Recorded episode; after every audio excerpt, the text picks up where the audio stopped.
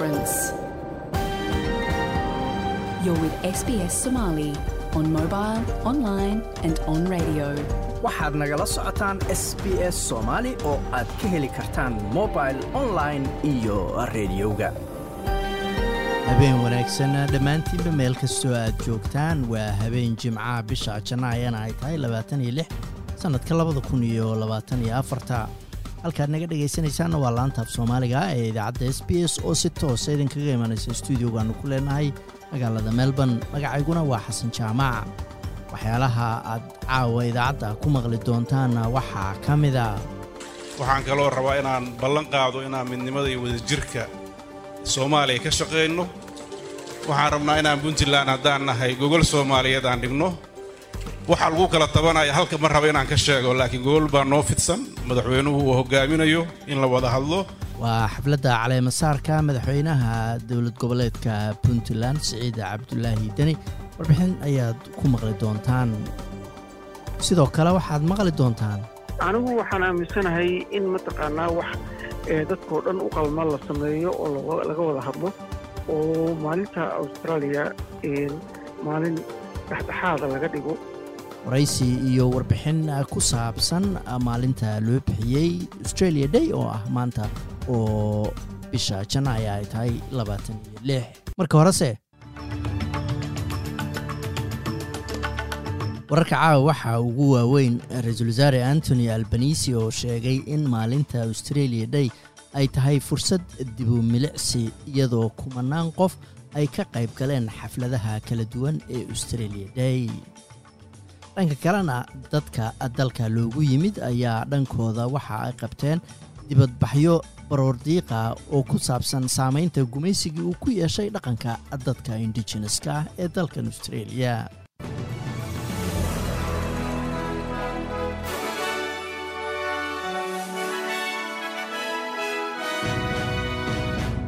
kumanaan qof ayaa isugu soo baxay xaflado dalka oo dhan ka dhacay oo lagu xuseeyey maalinta australia day. Dad fara badan ayaa isugu soo baxay xeebta caanka ee bondi beach ee magaalada sydney halkaas oo xafladii ay ka dhacday subaxii hore. Xafladdaas waxaa ka mid ahaa xafladda qiiqa la yidhaahdo dadka indigeneska ahu markaasi ay caado u leeyihiin. Halka dhanka melborna dad badani ay isugu soo baxeen waxaa loo bixiyey dibadbaxa maalintii waddanka lagu soo duulay. Magaalada kambarana boqolaal qof ay ku jiraan siyaasiyiin dad dhowaan ku guulaystay biladaha australia of the year iyo muwaadiniin cusub oo hadda dhalashada la siiyey ayaa isugu yimid halkaasi ra'iisul wasaare antony albanisi oo ka qayb galay xafladdaasi cambara ayaa ammaanay maalinta australia day isagoo oo ku tilmaamay inay tahay fursad markaasi dibumilicsi lagu sameeyo wixii u soo qabsoomay dalkan australia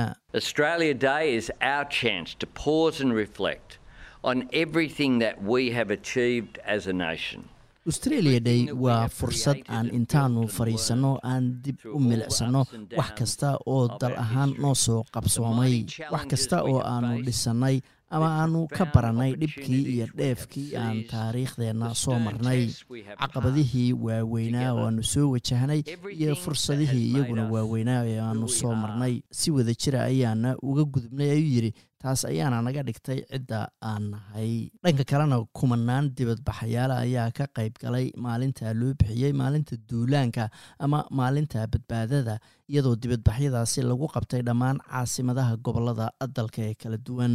Dibadbaxayaasha melbourne ayaa isugu tegay ridda hore ee baarlamaanka gobolka victoria halkaas oo ay ka dhacday waxaa qabanqaabiyaasha oo ay ugu yeereen dibadbaxyadii ugu wakhtiga dheeraa adduunka dibadbaxyadii sydney ayaa iyaguna ka bilowday belmore park iyagoo u sii gudbay victoria park. Dadka qabanqaabiyey dibadbaxyadan ayaa ku baaqay in la joojiyo dadka indigeneska ee geeriyooda iyaga oo xiran ama xabsi ku jira ama waxa death in custadiga loo yaqaano sidoo kalena in la joojiyo takoorka dhanka caafimaadka iyo guryaha iyo dhibaatooyinka kale ee haysta dadka indigeneska ee dalka loogu yimid. Ankle bill nicholson waa mid ka mida duqeyda bulshada waranjeri la yiraahdo ee magaalada melbourne waxaana uu sheegay in maanta ay tahay maalin shucuur badan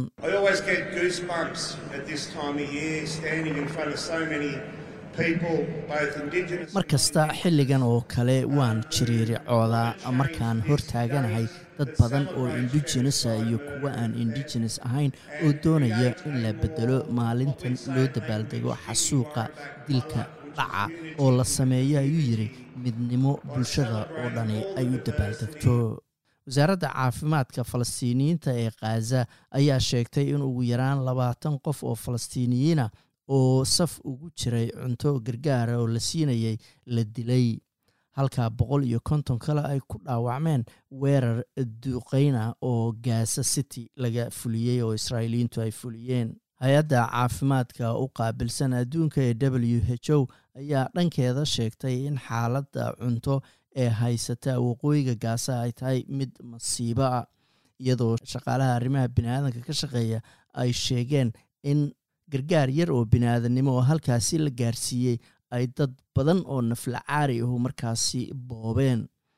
Dadkaas oo sida muuqata macaluulaysnaa ayaa la yiri xubnaha ka tirsan golaha ammaanka ee qaramada midoobey ayaa kulmay si ay u qiimeeyaan arrimihii u dambeeyey ee dalka haiti kooxa dembiilayaala ayaa hor istaagayay ayaa la qaybinta gargaarka bini-aadanimo ee la siinayo dadka aadka ugu baahan gaar ahaan cuntada daawooyinka iyo gargaarada kale. Dhincaana oo ruushka u dhashay oo ku eedeeyey madaxweyne valadimir putin iyo ciidanka dalkaasi inay ku guul daraysteen weerarka ukraine ayaa maxkamadii ay xukuntay iyadoo lagu xukumay ninkaasi inuu waday kicin xagjirnimo ah igor girkin ayaa dafiray isagu eedahaasi lagu eedeeyey waxaana xabsi lagu xukumay afar sano. Saadaasha hawada berita oo sabtiya magaalada bet waa cadceed soddon iyo kow. Adhalad inta badan waa daruur iyo labiyo labaatan.